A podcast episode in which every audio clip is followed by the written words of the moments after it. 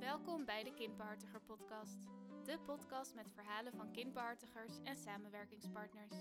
We bieden inzicht in de positie van kinderen, hun belangen en casuïstiek. We geven tips voor professionals werkend met kinderen en voor ouders en kinderen in een scheidingssituatie. Fijn dat je luistert. Welkom bij weer een nieuwe podcast. Deze keer gaan we aandacht besteden aan ouderonthechting, ouderverstoting. En ik zit aan tafel met Helene Koppian, een welgewaardeerde collega van mij. Uh, traint ook onze kindbehartigers in het onderwerp ouderonthechting al een aantal jaar nu inmiddels. Maar misschien kan ik beter vragen of jij jezelf even wil voorstellen, Helene. Hoi Marieke, wat ontzettend leuk dat ik hier mag zijn. En ook heel graag stel ik mezelf voor. En leuk eigenlijk dat je aangeeft dat ik uh, de kindbehartigers al zo lang train.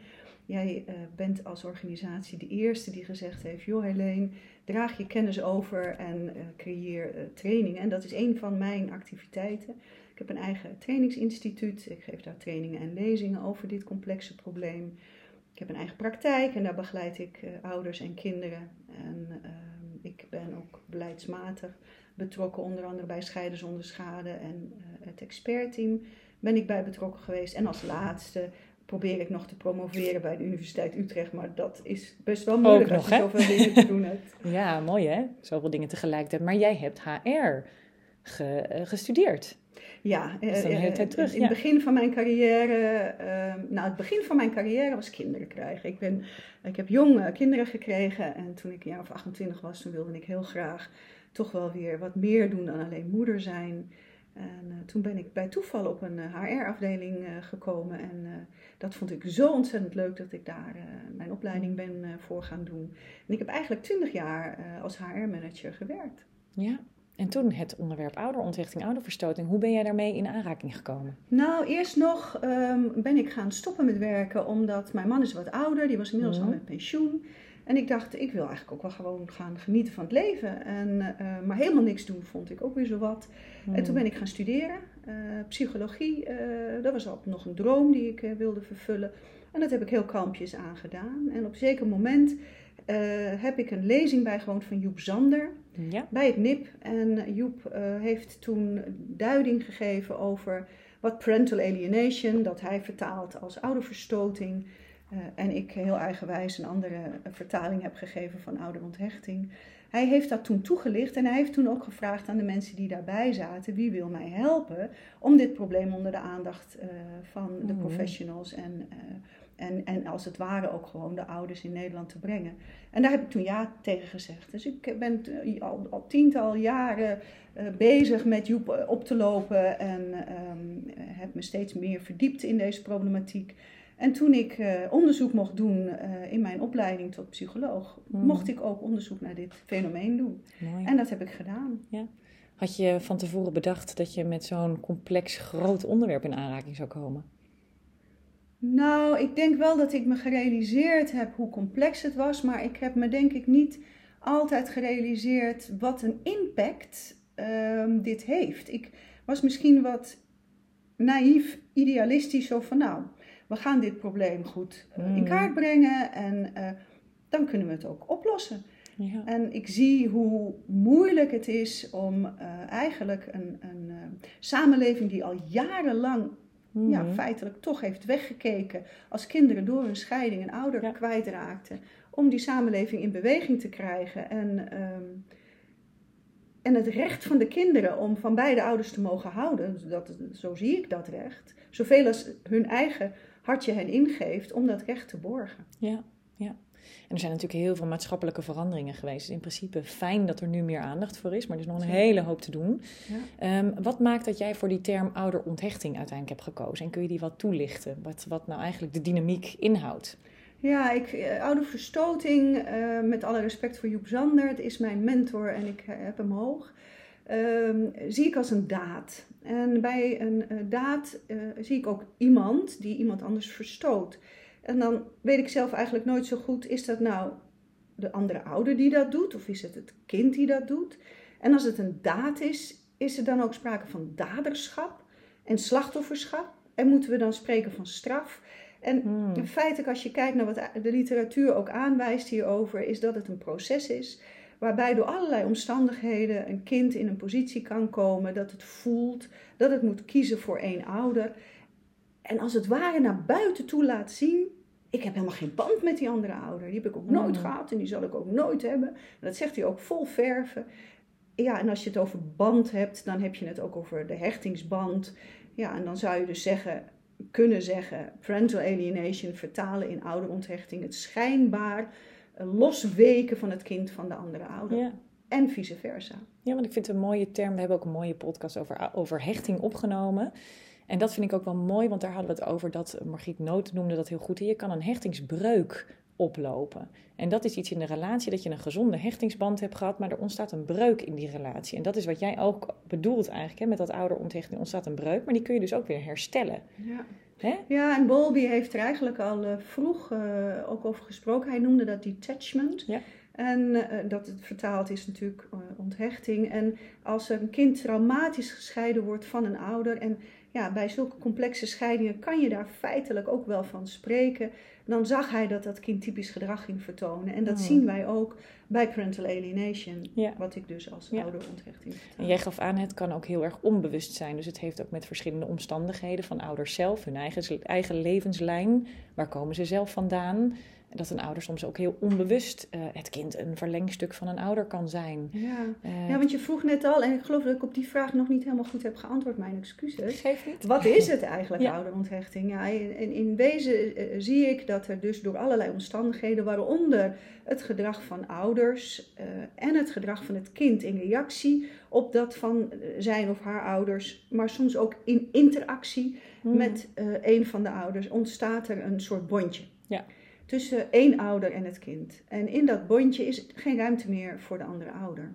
Nee. En daar kunnen andere omstandigheden een rol spelen. Stiefouders, eh, familie, eh, afstand, tijd, noem maar op. Hè. Dus er zijn nog allerlei andere omstandigheden. Maar ook het rechtssysteem. eh, ook de gezagkwesties zoals die in Hmm. Nederland geregeld zijn. Waarbij vaders feitelijk een ondergeschikte rol hebben aan moeders. Hè. Die, als er geen huwelijk is, eh, is er geen automatisch gezag voor een vader wanneer die klopt. zijn kind herkent. Ehm, dus dat zijn allemaal omstandigheden die een rol kunnen spelen. En in die eh, situatie kan een kind eh, zijn loyaliteit als het ware splitsen. En nog alleen maar loyaal zijn aan één ouder. Hmm. En daar volledig voor gaan en volledig voor kiezen. En de andere Ja. ouder buitensluiten. Ja. Ik zie dat ook bij hele jonge kinderen hoor. Als je naar die ontwikkelingsfase kijkt hè, van kinderen, dan is het ook heel moeilijk voor kinderen in die jonge leeftijdsfase voor die puberteit en die adolescentiefase. Om zich uit te spreken tegen een ouder, om het ergens niet mee eens te zijn. Dus een, ouder, een kind gaat vaak mee en vaak voor de ouder die eigenlijk het meest de steun nodig heeft, of het gevoel van de zwakkere ouder. Daar moet ik voor zorgen of daar moet ik naast gaan staan. En eh, pas in de latere fase, als ze wat ouder zijn, kunnen ze meer kijken naar hun eigen normen en waarden. En toen wij voorbespraken hè, hierover, hadden we het al even over de theorie van Piaget. En hoe mooi eh, die theorie eigenlijk ook hierbij gebruikt kan worden, omdat je ziet dat kinderen zo cognitieve schema's opbouwen. En ik vond het een heel mooi voorbeeld van Piaget. Als je tegen kinderen in de leeftijd van drie, vier zegt: Papa en mama gaan uit elkaar, want we houden niet meer van elkaar.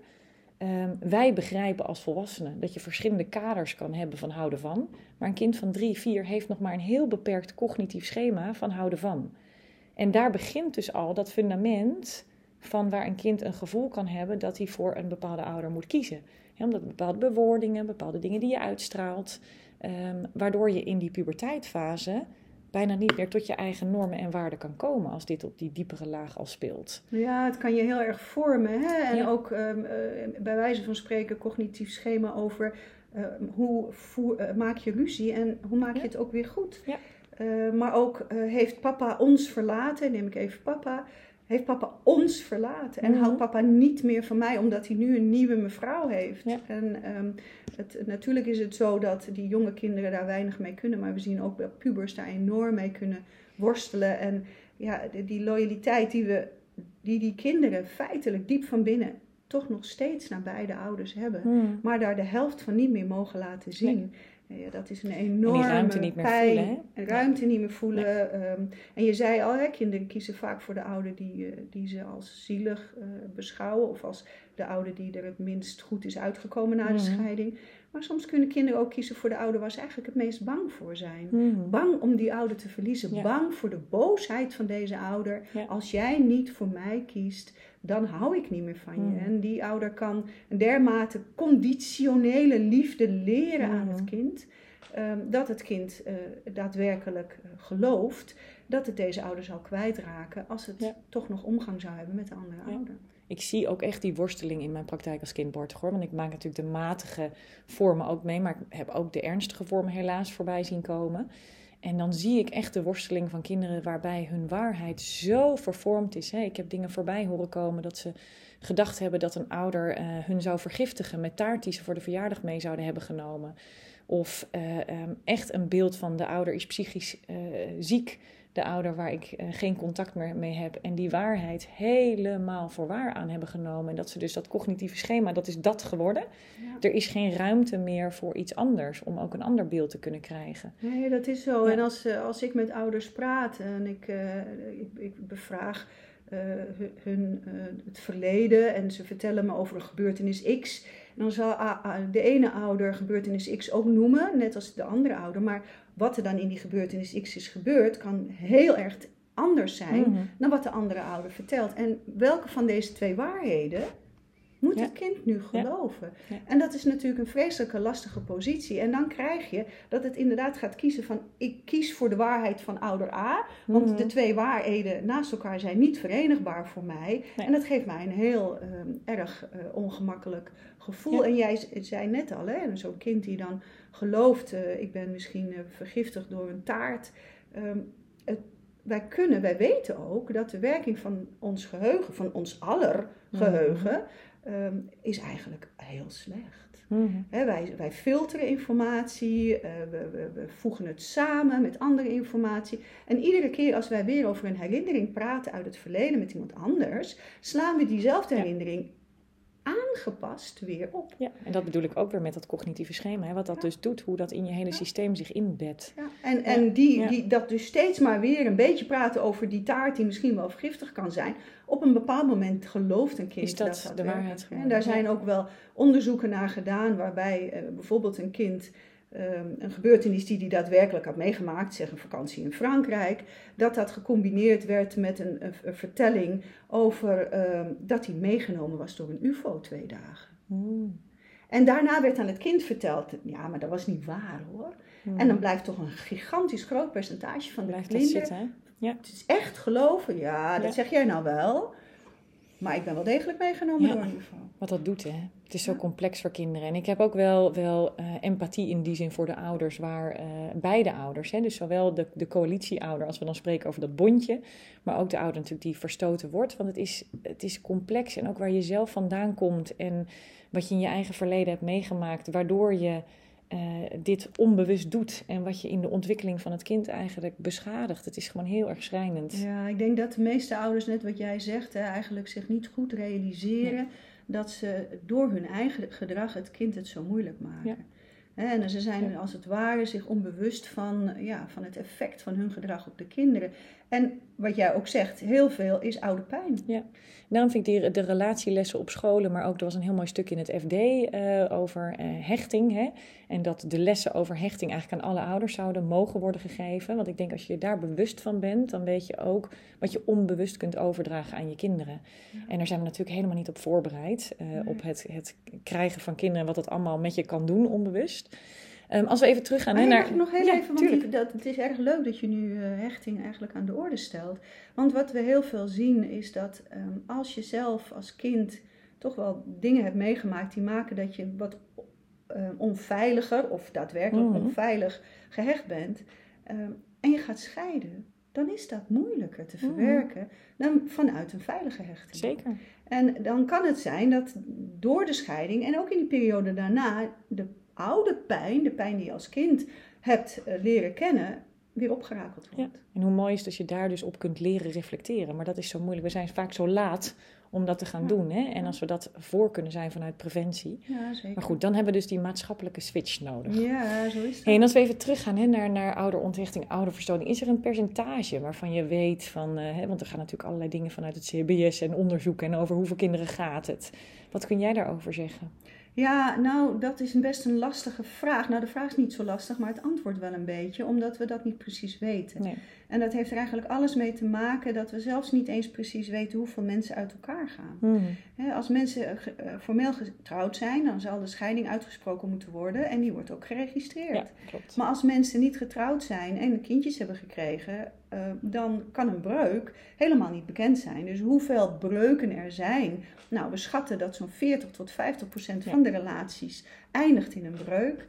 Ehm, hoeveel van de eh, situaties eh, eh, gaat vanzelf? Hè? De, de, de breuk komt er, mensen pakken hun leven toch weer op en, en het komt allemaal wel goed. Nou, daarvan hebben we ook een schatting dat dat zo'n 80% is. Ja. En zo'n 20% daarvan zien we eigenlijk dat het moeilijk is voor ouders om na de breuk gestalte te geven aan gezamenlijk ouderschap. Hmm. En dan hoeveel kinderen raken dan een, een ouder kwijt door zo'n situatie. Daar hebben we ook geen echte vaste data van. Maar Kalmijn heeft een eh, heel mooi eh, onderzoek gepubliceerd alweer een aantal jaar geleden. En daarin, eh, kwam, daar, daarin werd beschreven dat zo'n 20% van de inmiddels volwassen kinderen die in vorige eeuw een scheiding van hun ouders hebben meegemaakt, hun vader niet meer ziet Mhm. en 5% hun moeder niet meer ziet. En dan spreek je toch wel over hele grote aantallen. Ja, zeker. Ja. En dat we dus een heel groot deel ook niet weten. Hè? Dus het zijn En al dat grote ja. aantallen en een groot deel weten we dus eigenlijk ook niet. Hè? En vanuit contactverlies, er zijn verschillende redenen van contactverlies, hè? En waarvan ouderontrichting, ouderverstoting er één is. Ehm, kun je daar wat meer over vertellen? Want je hebt de gegronde redenen. En in die zin ouderontrichting, wat eigenlijk niet de gegronde reden is dat een kind dat los wil laten. Ja, er is natuurlijk een heel spectrum aan redenen. Hè. Dat kan natuurlijk ook zijn dat een kind gewoon karakter eh, niet zo goed past bij een ouder. Of in een levensfase meer met mama heeft dan met Mhm, papa. mhm. Dat zijn natuurlijk ook allemaal situaties die zich kunnen voordoen. Of dat het puber wordt en meer sport wil gaan doen. En dus op woensdagmiddag. Hè, dat zijn... Ja. Maar dan hebben we het niet over complexe scheidingen. Dat lost zich vanzelf wel op. Ehm, bij complexe omgangsproblematiek heb je eigenlijk een spectrum waarbij je aan de ene kant ehm, eh, kan het zijn dat het kind een gegronde reden, je zei het al, eh, kan hebben voor het willen stopzetten van de omgang. En onder een gegronde reden verstaan we kindermishandeling. Mhm.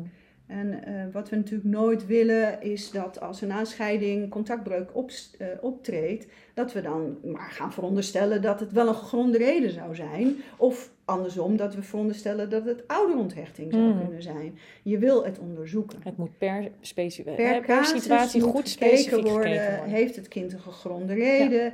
Eh, en dat betekent dus kindermishandeling. Eh, of is er sprake van toch een loyaliteitsconflict van, Ja. van waaruit het kind uiteindelijk meent dat hij er alleen maar uitkomt, als het ware, door te kiezen voor één ouder. Ja, en dat zeggen wij, komen we straks ook even op hoor, maar hoe, als kindbehartigers hè, stralen we dat ook uit. Van het is niet dat een kind op een podium hoort te staan en zijn stem is zijn stem en dat is het. Maar dat je heel goed moet filteren, wat zit hieronder, waar komt dit vandaan, wat is de context, wat is de levenslijn van het kind, van ouders. Is er nog hulp aanwezig voor ouders?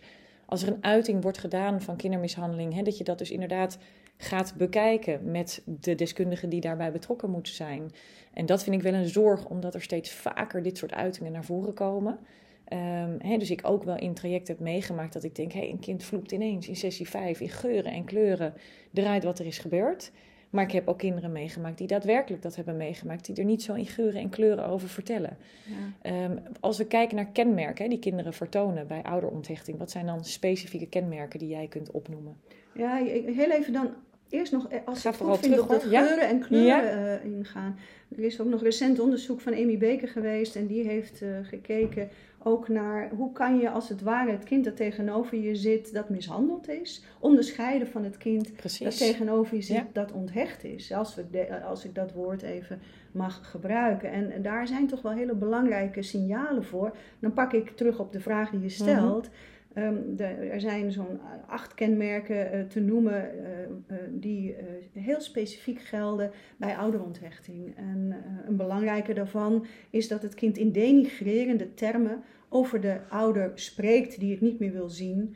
Ehm, en als het ware ehm, da- daar zich moreel boven stelt. Die veroordeelt Mm. als het ware ook ehm, de ouder en, en zegt daarbij: hij was nooit goed, hij is niet goed en hij zal ook nooit goed worden. Zoals wij systemisch zeggen, gaat op van plek van zijn kindplek af en gaat boven de ouder en het afwijzen van de ouder Ja. in die zin. En gebruikt daarvoor volwassen termen, die, waarvan hij eigenlijk zelf, als je dan gaat vragen wat betekent dat, weten ze het helemaal niet zo goed Mhm.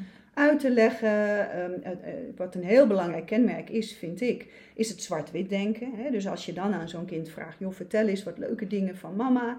Eh, dan zal het kind, eh, als het voor mama gekozen heeft, alleen maar leuke dingen kunnen vertellen. Hmm. En nou is het zo, ik weet niet hoe jullie dat hebben, maar ik heb dat eh, wel. Ik kan van iedereen wel wat leuke en wat minder Ja. leuke dingen. En Ja. zelfs ook van mezelf, gelukkig. Ja. Want we zijn niet Een relatie kan nooit wit. helemaal slecht zijn of helemaal goed zijn. Er zit altijd een nuance. En dat vind ik weer terugpakkend op Piaget met die cognitieve schema's. Dat valt mij dus dan ook heel erg op. Hè, dat, dat er niets bedacht kan worden. Of het is inderdaad alleen maar stel dat zwart-wit denken komt heel sterk naar boven. En dat Ja. kan je heel mooi toetsen. Hè? En op Ja. het moment dat het dus alleen maar lelijke dingen over vader vertelt. Ja, en geen goede kan, kan verzinnen. En, en nou, zo zijn er nog wat kenmerken. Het kiest automatisch de steun en dus ook de waarheid van een van de Mhm. ouders. En wil niks van die andere waarheid weten. Ja. Het ziet vaak ook de familie eh, van de Ja, ouder het die hele buiten niet niet meer. Nou ja, het zijn de acht. Ik ga ze Ja. niet allemaal, Nee. allemaal Nee. opzommen. En ik zie- ook vaak wel dat school is ook, wordt vaak ook aan een kamp meegezogen. Dus er ontstaan echt kampen in die Nou, zin. daar heb je feitelijk wat je nu noemt, is de rol van de omstandigheden. En dat is ook iets wat je in je onderzoek naar boven moet brengen. Het school kan in een kamp zitten en een huisarts kan een melding hebben Ja. gedaan. Zonder Ja. misschien de derde stap te zetten en met beide ouders te spreken voordat de Mhm. melding wordt gedaan. Wat ik heel vaak zie, Mhm. dat, dat, eh, dat, dat, dat het er net niet, eh, eh, net niet ja, bij is gaan horen. Terwijl het natuurlijk feitelijk wel erbij moet horen. Ja. En ehm, ja, familie, opa's, oma's, Facebookgroepen die allemaal Ja. liken. Wat goed dat jouw kind geen omgang heeft. Nee, Dus het is, nee. die omstandigheden Nee. zijn zeker ook heel erg belangrijk. Hey, en wat ik, wat ik in mijn trajecten ook wel terugzie, is op het moment dat ik het dan signaleer. eh, bij mij is er een soort van, en dat is misschien een tip voor professionals. Ik heb altijd een alarmbel bij elke scheiding dat ik denk, ik moet alert zijn op. Het kan. Ook in harmonieuze zaken, omdat een kind altijd een beetje in die loyaliteit. Het kan inderdaad net meer, meer feeling met de ene ouder hebben. Eh, en hoe bouw je dan de band met die andere ouder ook op? Er ontstaat een nieuwe fase. Hoe ga je dat allemaal weer als een puzzel in elkaar laten, laten vallen? En als je daar niet alert op bent, kan onbewust dat ouderonthechting zijn intrede gaan doen. Eh, maar wat ik ook herken in casuïstiek is dat er bepaalde thema's terugkomen. En die vind ik altijd heel interessant om als een soort recherche te gaan ontrafelen. Want je, je merkt dan een thema van boosheid, agressiviteit. ehm, eh, mijn, mijn moeder of mijn vader snapt mij niet. Eh, Nooit. eh, nooit. En dat, wordt dan, dat, dat thema komt op een gegeven moment op een bepaald stuk terug. Ja. Ehm, eh, wat zijn thema's die jij veelvuldig herkent? In, in... Ja, ik denk dat je dat heel goed beschrijft. Hè. Kijk, het is, is altijd een thema waarbij eigenlijk een gebeurtenis uit zijn verband is gerukt en gigantisch is opgeblazen. Mhm. Als vader een keer boos is geworden en met zijn vuist op tafel heeft geslagen, dan is het thema hij is agressief. Mhm. En eigenlijk bijna altijd bij complexe omgangsproblematiek is het thema dat de ouder, waar het kind voor gekozen heeft, eh, ook bij jou naar binnen brengt, is feitelijk is die andere ouder onvoldoende geschikt als ouder. Hè, dus er is onvoldoende kwaliteiten Mhm. eh, voor ouderschap of er is Mhm. mishandeling of er is Mhm. misbruik. Dat zien we toch wel heel Mhm. veel in deze Ja. casuïstiek. Hij is onveilig, hij is eh, onbetrouwbaar, ehm, eh, hij houdt niet van het kind. eh, Ja. zijn En je ziet het wat vaker bij vaders gebeuren dan bij moeders. Ik zie in beide situaties, hoor, heb ik in mijn, mijn praktijk meegemaakt. Eh, wat ik ook wel zie is door, door eh, komen we misschien straks nog wel op, maar gebrek aan kennis vanuit de sector. Hè? Dat je dan hulpverlening op hulpverlening op hulpverleningstrajecten. En ik heb gewoon, doordat ik langer betrokken ben geweest in, in trajecten soms, zien gebeuren hoe een ouder zich dan zo met zijn rug tegen de muur voelt. En dus boos wordt. En het thema kan erop geplakt worden. Kijk, daar heb je hem of Ja. haar, die agressieve ouder, die maar boos wordt. Ja. En dat is dan een bevestiging. En de ouder, de coalitieouder, weet dat soms heel mooi in banen te leiden. Dat die ouder dus inderdaad met zijn vuist op tafel slaat en zegt: Ik ben er helemaal klaar mee. Ik wil niet meer meewerken, want ik heb geen vertrouwen in de trajecten. En vervolgens is het thema al daar bevestigd. Nou, nou zeg je een nieuwe rol van welkomstomstandigheden, die van ons, de professionals. Wij kunnen een gigantische rol spelen in het oplossen, Ja. maar ook in het verergeren In het verergeren van, problematiek. En ik weet niet of je toevallig die post op LinkedIn hebt gelezen van een advocaat. Jazeker, Oh, prachtige die was ontzettend indrukwekkend, want die advocaat die was helemaal into het verhaal van haar cliënt. En ter zitting bleek dat vader een heel ander verhaal had en in huilen uitbarstte. En Ja. zij zich zo schuldig voelde. Zij had de toga aan en de rechter ook. En Ja. ze hebben het niet gezien. En, Ja. ja, en, En dat je door het gedrag heen moet het. kijken. En dan denk ik, oh wat mooi. Een, een, een, een, een professional die bij zichzelf onderkent, ik heb het probleem onderschat, ja. als het ware. En het is zo belangrijk om nieuwsgierig te zijn. Wat zit er achter het gedrag? Waar komt dit vandaan? Wat is de rode lap van iemand? Waardoor wordt die getriggerd? Maar goed, dat is even een heel stuk eh, Ja. daaromheen. Ehm, ehm, eh, wat, wat ik, ja, hè, want we hebben het wel. Wat maakt nou dat het, dat het wat vaker bij vaders voorkomt? Want dat zien we in de praktijk dan ook wel terug. Heb jij daar een verklaring voor? Ja, in wezen is het eh, coalitievormen zowel mannelijk als vrouwelijk Ja. gedrag. We hebben, Ja. we, we hebben allemaal vriendengroepen en we zullen allemaal wel eens bij het koffiezetapparaat zeggen: Oh, met die heb ik geen zin, kom, we gaan ver- verderop staan. Binnensluiten, buitensluiten is normaal menselijk Mhm. gedrag.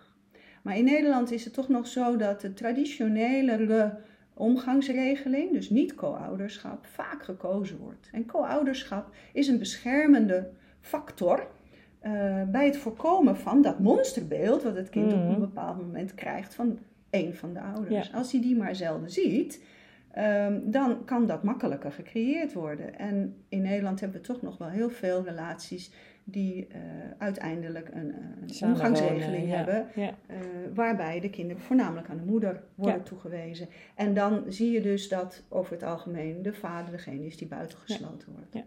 Nou, wat ik dus ook wel zie, en dat vond ik vanuit die hechtingspodcast weer mooi, eh, vroeg ik aan Margriet Noot ook van hoe, eh, hoe je een omgang kan laten aansluiten op een kind. En je ziet dus vaak dat we vanuit juridische kaders dan denken, erkenning, gezag, een omgangsregeling, hoe ziet dat er juridisch gezien uit? Maar als wij de hechtingsregels verwaarlozen, dan kan een kind daarin vastlopen. En het is dus zo belangrijk om te kijken hoe kan een kind in relatie met beide ouders staan, wat heeft hij daar op hechtingsniveau voor nodig? En wat kunnen ouders daarin doen? Dus ik zie ook weer dat enorme verschil tussen het juridisch kader en de praktijk, het aansluiten bij het kind. En dat daar dan ook eens nog eens een keer inderdaad wat je zegt, erkenning gezag, het verschil met vaders. En als wij naar het IVRK kijken, want die vind ik zo belangrijk, dan zegt artikel 18 van het IVRK, beide ouders zijn de eerste verantwoordelijk over het kind. Wordt geen onderscheid gemaakt tussen erkenning en gezag. Nee. Maar die Nee, hebben we geratificeerd hè, in Nederland. Ja. Die, is nog niet, eh, die staat nog niet boven ons Nederlands wetboek. Nee, en de motie is al heel lang geleden eh, aangenomen dat er erkenning moet komen Ja. eh, bij het aanvragen, of, of, bij het, of gezag moet komen bij het aanvragen van de erkenning. Maar als je kijkt naar, naar, naar hechting, dan hebben wij ook heel lang, een, opnieuw een rol van omstandigheden, Mhm. eh, een soort visie gehad dat er twee kritieke jaren zouden zijn waarin het kind eh, niet gescheiden mocht worden van de moeder, want daarin zou de veilige hechting tot stand gebracht worden. En inmiddels weten wij dat hechting iets veel fluider is Ja. en dat kinderen veel plooibaarder zijn en dat ze niet alleen met hun moeder een hechtingsband aangaan, maar ook met de juffrouw of de lieve mevrouw bij de crash of met de oppas Ja, oma, maar dus ja. ook met hun vader. En dat de richtlijn dat vaders ehm, de eerste twee jaar, dat het niet goed was dat het kindje zou slapen bij vaders, als ouders al uit elkaar waren. Die richtlijn is ook aangepast. echt komen te Ja, vervallen. en de wet was natuurlijk, hè, vroeger was de vader de gezaghebbende figuur in het gezin. Dat is verschoven naar de vader die werkte vooral en de moeder zorgde voor de kinderen.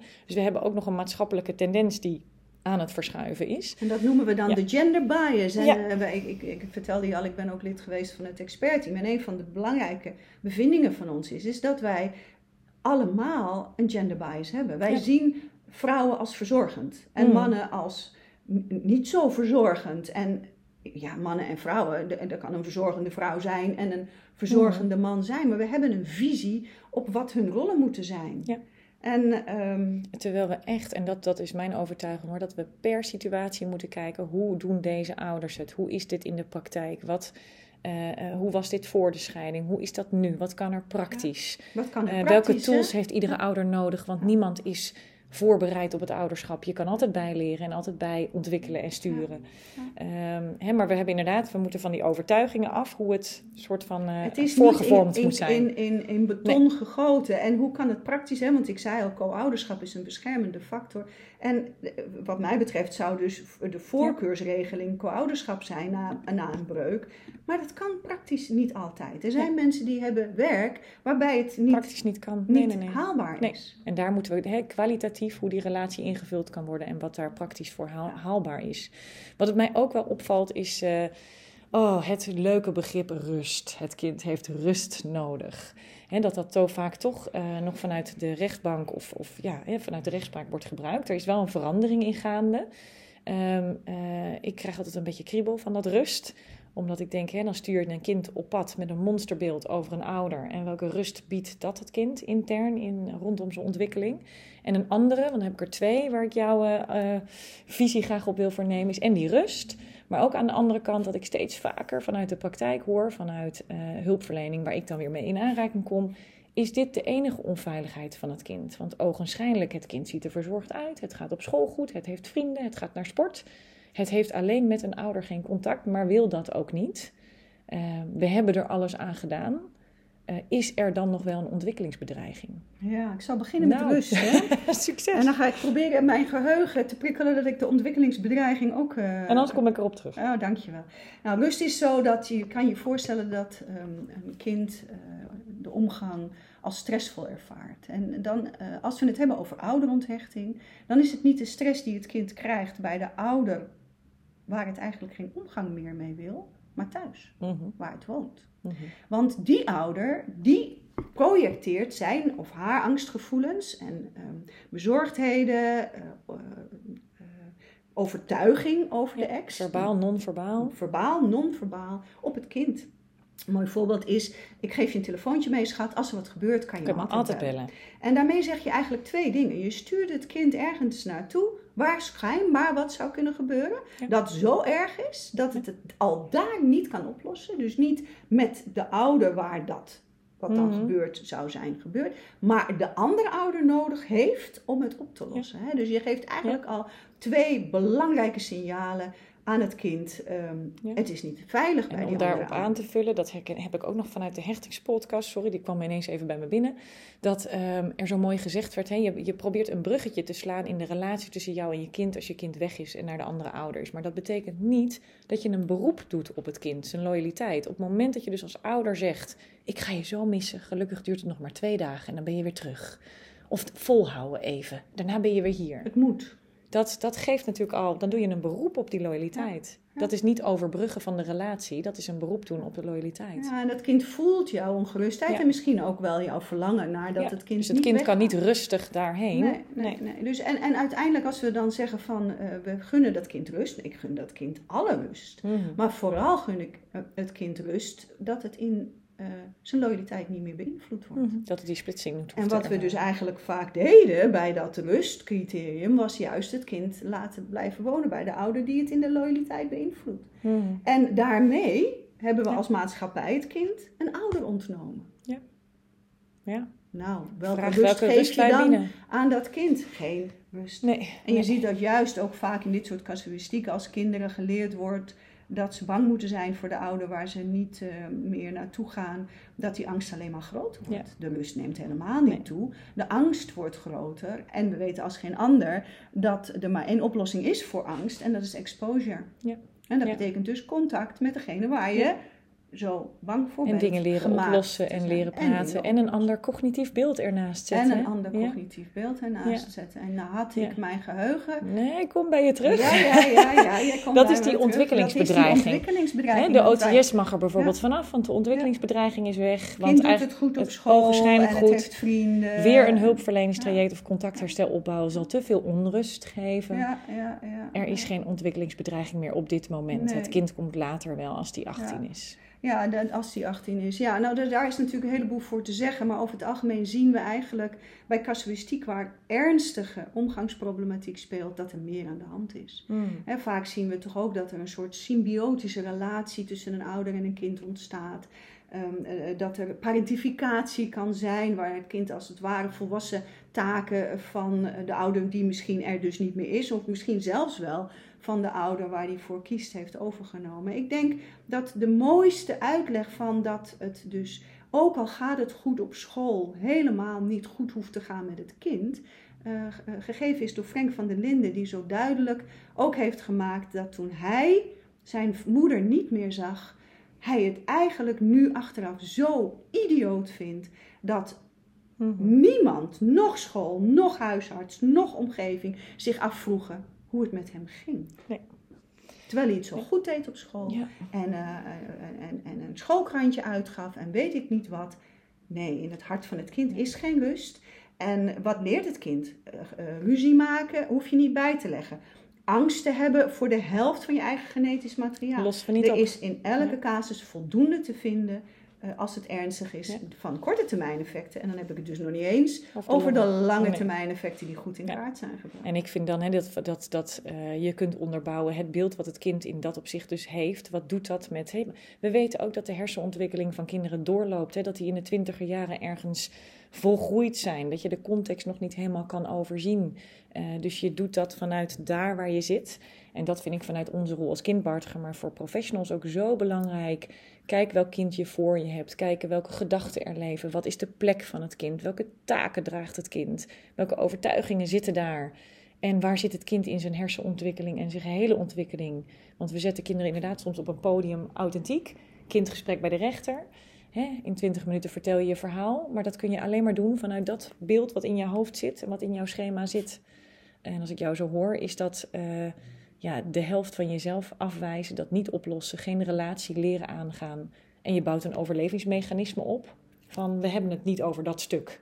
En ook niet over die familie. Nee, dat klopt. En als je ook een van de acht kenmerken, we hadden het er al eventjes over, ziet, dan is het die ehm, het kind krijgt als het ware de volwassen taak om ervoor te zorgen dat er geen omgang meer komt. Ja. Het kind moet een brief schrijven naar de rechter. Het kind vraagt om een bijzondere curator. Het Ja. kind ehm, eh, geeft aan bij de andere ouder dat hij daar niet meer toe wil, naartoe wil. Het kind krijgt een autonomie die hij nog Nee. helemaal niet kan Ik heb dragen. echt kinderen die vragen hun paspoort op, willen hun spullen halen, gaan willen hun geen ouder toespreken, willen en geen gezag meer, dat naamswijziging. noem het maar op. Ja. Maar wat is nou het grote probleem? Wat jij al zegt, is dat deze kinderen, hun hersens zijn niet ontwikkeld zodanig dat ze de lange termijn gevolgen van hun beslissingen kunnen overzien. Nee, we weten ook hè, dat de plasticiteit van de hersenen afneemt als jij veel stress ervaart. Ja, Moet je nagaan wat dit doet aan stress in met, met kinderen. En wat Over dat korte ook met... termijn Ja. effecten gesproken. Nou, daar hebben maar als je, dan, als je dan ook kijkt naar eh, eh, wat, wat we heel veel zien in deze casuïstiek, als het kind de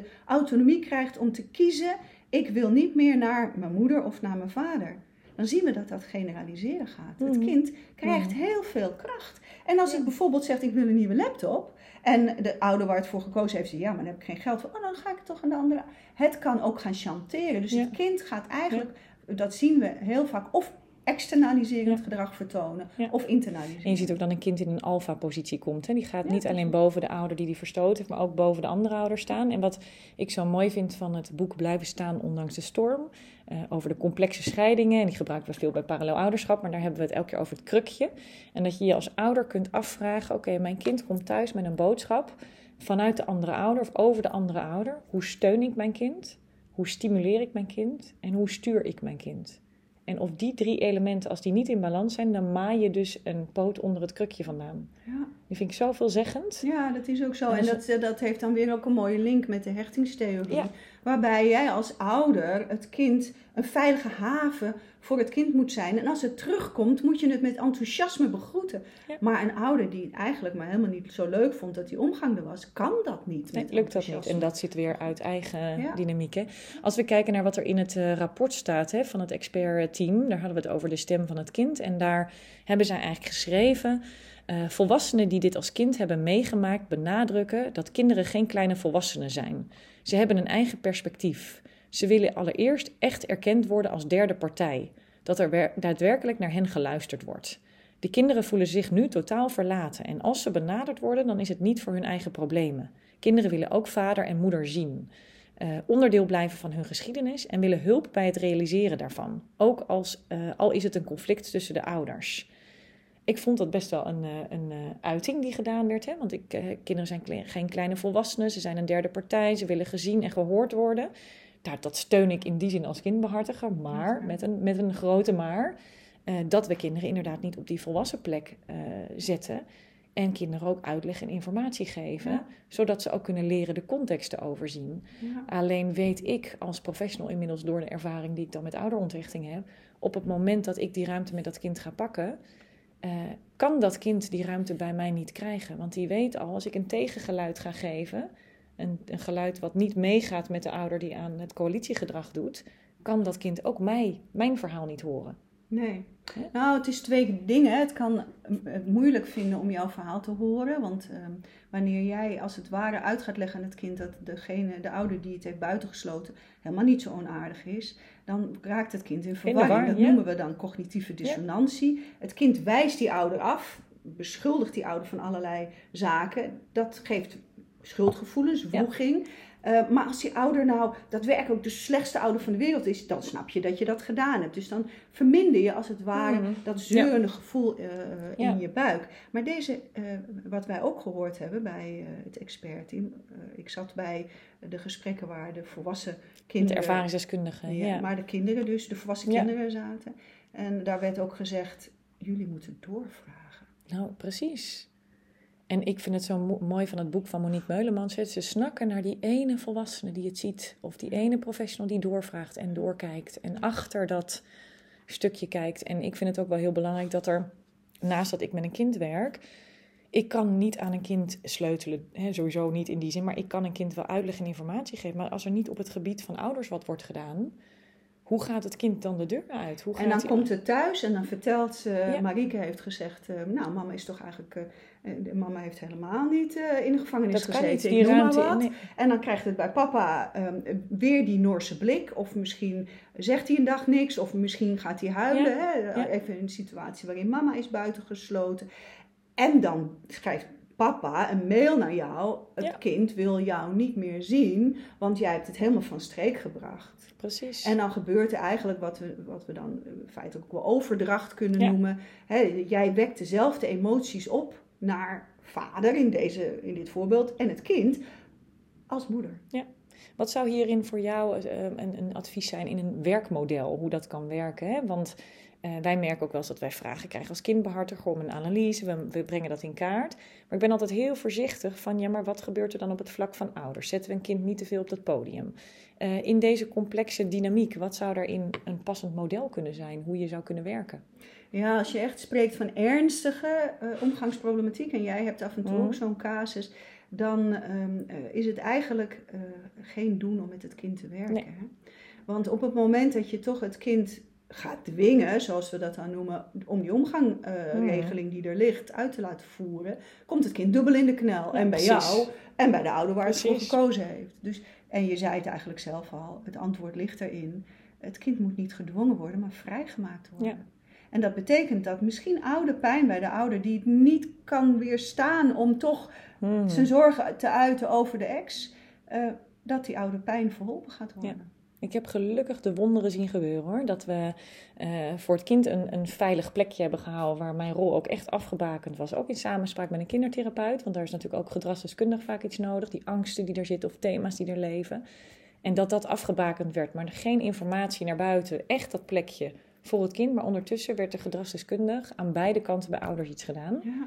En uh, werd een omgang opgebouwd. Dus soms zie je die pareltjes ertussen dat je denkt, ja, het kan. nou kijk, en dat is heel belangrijk. Ja. Hè? Uiteindelijk zit, uh, als het probleem diep in, in het verleden van een ouder zit, wat kan, dan kan zo'n ouder er zelf... Het is geen kwaadwillendheid. Nee, nee en het is mooi het als dat naar boven pijn komt. Hè? En, die, ja. en die ouder heeft die hulp ook nodig. En is geen dader, ja. maar net zo goed een slachtoffer nee. van de situatie. Ja. Ja. Heen oplossingen die kinderen zelf genoemd hebben, die, die kwamen we ook in het rapport tegen. Uh, kinderen noemen, zij, zij, willen een, zij wensen een fundamentele professionele attitudeverandering. Vond ik een hele, heel mooie, mooie omschrijving. Van regelaar van het scheidingsconflict naar luisterend oor voor het kind. Het kind voelt zich nu ongehoord en ongezien. Dat breekt mijn kindbehartiger hart, want daar zijn we natuurlijk voor. Uh, niet de lange tijdsduur van processen is de grote storende factor, maar voor kinderen het feit van steeds weer nieuwe gezichten. En dat herken ik ook. Ik ben heel blij dat ik in sommige situaties preventief hoor, vaak in de wat meer harmonieuze casuïstiek. Daar ken ik kinderen soms al twee, drie, vier jaar, vijf jaar. Die hebben maar één iemand voorbij zien komen. En als er weer wat oppopt, komen ouders weer terug. In plaats van de verschillende gezichten. En hoe moet een kind dan weer iemand vertrouwen en weer je verhaal vertellen? En wat doet dezegene met die informatie? Dus, um, ja, wat daarvoor nodig is, is eigenlijk heel snel aan het begin van dat er omgangsproblematiek ontstaat, onderzoek doen. Ja, onderzoek doen. Waarom, welke dynamieken spelen er, welke oude pijnen zijn er, welke, welke behoeftes van ouders zijn onvervuld. Um, en, en hoe, hoe resoneert het kind daarop? En als je de situatie goed in kaart hebt gebracht, pas dan. En wij zijn hulpverleners en wat willen hulpverleners? Die willen hulp verlenen. Dus het eerste wat we gaan doen is denken: oh, er is een interventie die we misschien in kunnen zetten. Of misschien kunnen we en, dat dan nog eens proberen, is die mm. interventie. Maar dat stapelen van interventies nee, is nee, nee. En dat is ook echt, uh, dat, is, dat is verder escalerend, zie ik vaak hoor. En het, en het breekt het vertrouwen af van kinderen in, in, de hulpverlening. in de hulpverlening en hun, hun verhaal kunnen doen. Ook als dat verhaal vervolgens alle kanten op is gegaan. Uh, hoe moeten zij dan nog kunnen vertrouwen op wat er met hun hun uh, gedachten wordt gedaan. En in de, in die tijd dat het allemaal mislukt, wordt het steeds moeilijker voor het kind en wordt het steeds ernstiger. En dan heb jij het natuurlijk over het kind en terecht, want je bent als kindbehartiger, sta je daar ook voor. Maar als samenleving hebben we destijds gekozen om voor deze methodiek makkelijk als het makkelijk kan. Hmm. Om kosten te bezuinigen. Ja. Maar uiteindelijk wat we zien is dat interventie op interventie op interventie gestapeld wordt. En dat het dus veel duurder is dan dat je in het voortraject investeert in een gedegen onderzoek. Precies, nee dat denk ik ook zeker. En uh, nou, wat ze ook nog aangeven is dat ze, er is veel behoefte aan gesprekken met het kind zonder een ouder erbij. Uh, de kinderen willen de ouders niet verraden, maar ze willen wel zelf gehoord worden. Hun behoeften en zorgen zijn anders en dat weten ze al lang. En dat zie ik ook, uh, of dat weten ze al heel jong, maar dat zie ik ook bij kinderen. Daar waar je dat uh, kunt openbreken en ze zich vertrouwd bij jou voelen, uh, omdat ze zo graag eigenlijk hun geluid kwijt willen, is het zo belangrijk om elke keer af te tasten wat gaat er wel in de vertaalslag terug naar ouders en wat niet. Ik heb kinderen geregeld moeten beschermen voor wat er wel of niet terugging om de situatie in goede banen te leiden. Ja. En ik zie natuurlijk ook heel vaak dat er klakkeloos allerlei dingen van het kind worden opgeschreven. Ehm, en dat is natuurlijk ook, uh, als ze zich dan eindelijk openbaren, ja, wat, wat doe je dan met de informatie? Hè? Ja, het is ook een monsterlijk dilemma, hè? want enerzijds eh, wil je de, de vertrouwelijkheid beschermen en anderzijds, uh, zeker wanneer er binnen een OTS gewerkt wordt, zal er aan de rechter geduid moeten worden mhm. wat er speelt. Ja. En uh, als je dus relevante informatie dan niet naar buiten brengt, dan kan er wel eens een hele verkeerde beslissing zijn. Nee, dat, is die, dat dilemma, dat is voor ons als professionals, daar kom je natuurlijk vaak genoeg tegen te zijn. Ik heb meerdere malen meegemaakt dat, dat je ofwel gelukkig de casus beweegt. Dat is de mooiste, want dan kun je het kind een stuk beschermen en kun je ouders in beweging zetten. Maar dat zijn vaak die milde vormen. Mhm. Eh, maar op het moment dat je de ernstige vormen had, dan weet je gewoon op een gegeven moment, ik moet een verslag gaan schrijven en daar moeten dingen in staan.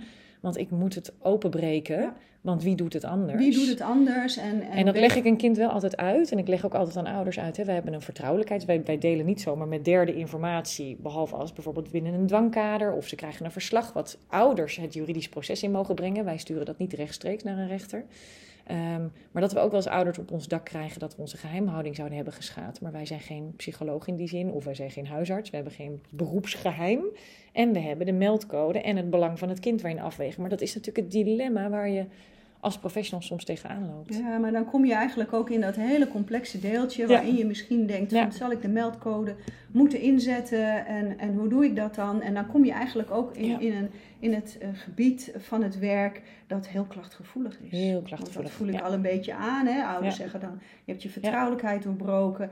Uh, complexe omgangsproblematiek uh, scoort denk ik nummer één op het, uh, op het zeker. in het klachten. En dat is voor professionals ook lastig. Dus wij proberen ook onze kindbarts, maar ook landelijk. Ik heb verschillende trainingen gegeven op het gebied van klachten. hoe kun je jezelf daar beter tegen borgen en, en hoe je je eigen dossier opbouwt, hoe je bepaalde dingen uit, hoe je transparant werkt. Um, maar dat is natuurlijk ook een onderdeel. En dat is wat ik weer mooi vond in het rapport. En dat ze ook wel gaven, het ontbreekt eigenlijk de maatschappij aan een gemeenschappelijk oplossingsmodel. Ja. Zowel het recht uh, en de zorg, hè, hoe dat met elkaar samenwerkt, maar ook het multidisciplinair samenwerken, het markeren van doelen, het goed monitoren, interventies effectief inzetten. Maar ook het, het misschien, ik denk ook wel het SKJ. En waar we allemaal aan moeten voldoen aan vereisten en dingen. En die hebben allemaal weer andere klachtenmodellen. En jouw beroepsvereniging weer een andere. En zo gaat het van de een naar de ander. Ehm, dus er is een hele grote schoonmaak in die zin nodig in het maatschappelijk model. Ja, en, en, en je zei al, hè, het multidisciplinair samenwerken is ook elkaar taal spreken. Hè? Mhm. Eh, ik, ik, ik zag laatst, vond ik een wel aardig, uh, kreeg ik een soort awareness, een, een bewustwording. Um, voor een psycholoog kan uh, als gedrag A van het kind bijvoorbeeld volgt op gedrag, gedrag 0 van een ouder, hè, mhm. noem maar. Um, en dan zouden wij kunnen zeggen, er is een relatie tussen het gedrag van het kind en het gedrag van de ouder.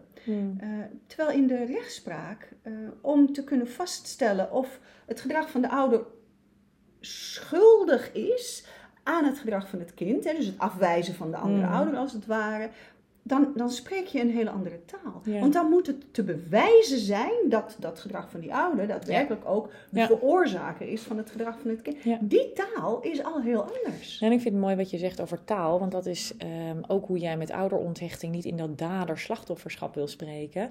En wij zeggen ook wel, probeer welzijnstaal te spreken in plaats van strijdtaal.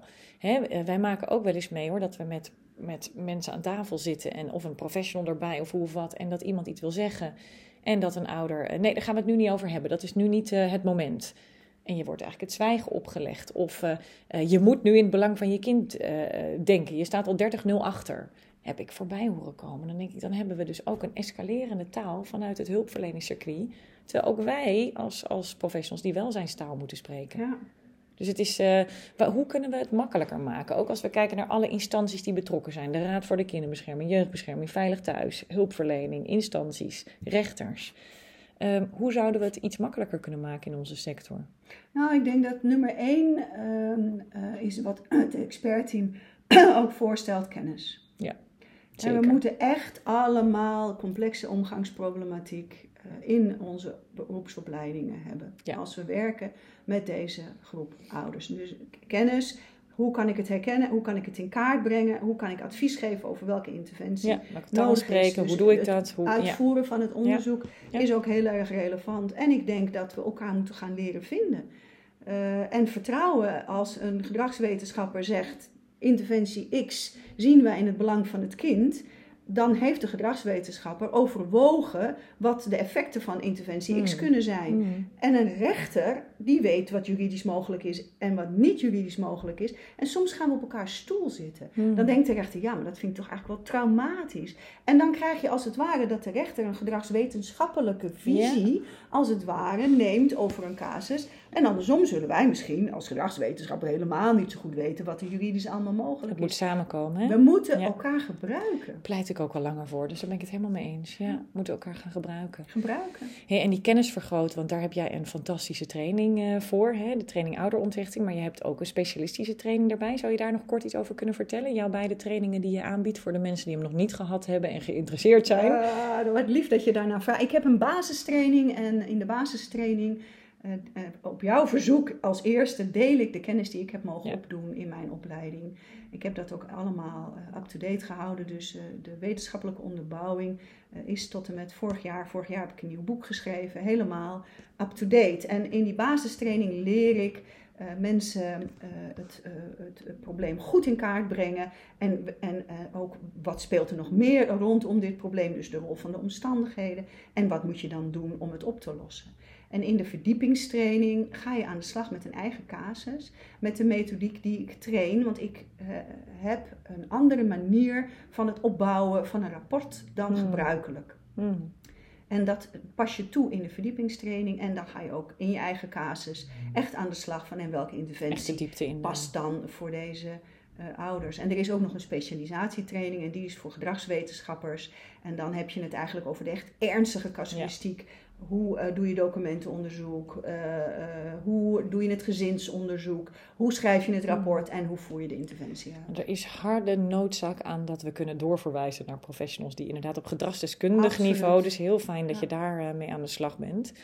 We hebben al ontzettend veel besproken. Wij kunnen oneindig lang over dit onderwerp praten, want er is nog zoveel meer te vertellen. Uh, maar in ieder geval denk ik fijn om even te noemen hè, dat het adviesrapport van het expertteam, dat is een fijne voor mensen om te lezen. En in de samenvatting staat al een hele hoop waar je informatie uit kunt halen. Heb jij nog een aantal boekentips of websites of iets waarvan je zegt, die wil ik de luisteraars meegeven, waar je goed informatie kan vinden over dit onderwerp? Ja, ik, uh, ik, ik vind het boek van Frank van der Linden, ik heb het zelf gelezen. Uh, het is een, een, een ervaringsdeskundige en veel lezen hebben we boeken van ouders die mhm. uh, schrijven over wat ze hebben meegemaakt. En het is diep tragisch. Het is het meest verdrietige wat je kan meemaken als je een kind kwijtraakt door een mhm. scheiding. Maar hij beschrijft het vanuit zijn volwassen pers perspectief ja, naar wat, uh, wat hij als kind heeft meegemaakt. Dus dat vind ik echt wel een, een, een, een, een goede tip. En ja, als ik ik, ik heb heel veel zaken op mijn website staan. Uh, hechtscheiden eh, heet de website. En daar zie je ook referenties Veel uitspraken ook, hè, van rechters of iets waar ze... Ja, en, en uh, ook uitspraken, maar ook uh, andere referenties naar andere wetenschappers... die zich bezighouden met onderzoek naar dit probleem. Dus daar staat heel veel. Ja, dus kijk daar gerust in ieder geval ook even Ja, knip en plak maar hoor. Haal er maar uit wat je nodig hebt. En een mooie quote die er was hè, van... Uh, It takes a village to raise a child. Dat vind ik een mooie om, uh, om echt mee te geven. Is er nog iets wat jij de sector zou willen meegeven... of ouders zou willen meegeven? Ja, ik weet dat de eerste lezing die ik gaf... hebben wij samen gegeven. Mm, weet je nog, klopt. Ja. En uh, toen werd er in de zaal gevraagd... maar wat moet er nou eigenlijk... hoe, hoe, hoe lossen we het probleem nou op... En toen zei ik wat ik het diepst in mijn hart ook daadwerkelijk voel. Pas als de samenleving niet meer wegkijkt als een hmm. kind een ouder kwijtraakt door een scheiding. Pas als we allemaal voelen dat dat net zo verdrietig is voor het kind als mishandeling. Of hmm. als het de sterfte van een ouder. Hmm. Als we snappen dat we moeten ingrijpen. Dat we de ouder die het zo moeilijk heeft moeten steunen, maar tegelijkertijd moeten borgen dat het kind beide ouders in het leven houdt dan hebben we een hele grote stap gezet. En jij zei ook al uh, uh, daarnet, uh, we, zijn, we maken grote stappen. En de sneeuwbal die we samen aan het vormen zijn met alle professionals die zeggen het is niet meer oké, we gaan hier wat aan doen, wordt echt steeds groter. En dat stemt mij heel gelukkig. Ja, voor mij ook. En voor professionals wil ik eigenlijk, ik heb vaak ook voor hete vuren gestaan en de nodige dingen over me heen gekregen. Als ik het herkende, hè, van ook de weerstand vanuit ouders, maar ik denk wel uh, het kind snakt er zo naar dat er iemand is die het ziet. Iemand die het patroon doorbreekt en die durft op te staan voor het belang van het kind. Zodat het kind niet zo vast zit dat het jou ook als vijand gaat beschouwen. Precies, tijdig. Dus he, waak daarin ook voor je rol. Zie het, uh, verwijs op tijd door. Nou, dan zeg je iets moois. Misschien is dat een mooie afsluiter. We hebben zelf ook ons eigen referentiekaart. Precies, precies voer om over na te denken. Ja. Dankjewel Helene voor jouw waardevolle input en dankjewel luisteraars. Tot een volgende keer weer. Jij bedankt Marike. Dankjewel voor het luisteren naar deze podcast. Als je meer wil weten over de kindbehartiger, ga dan naar kindbehartiger.nl of naar de Instagram pagina @kindbehartiger. Tot de volgende keer.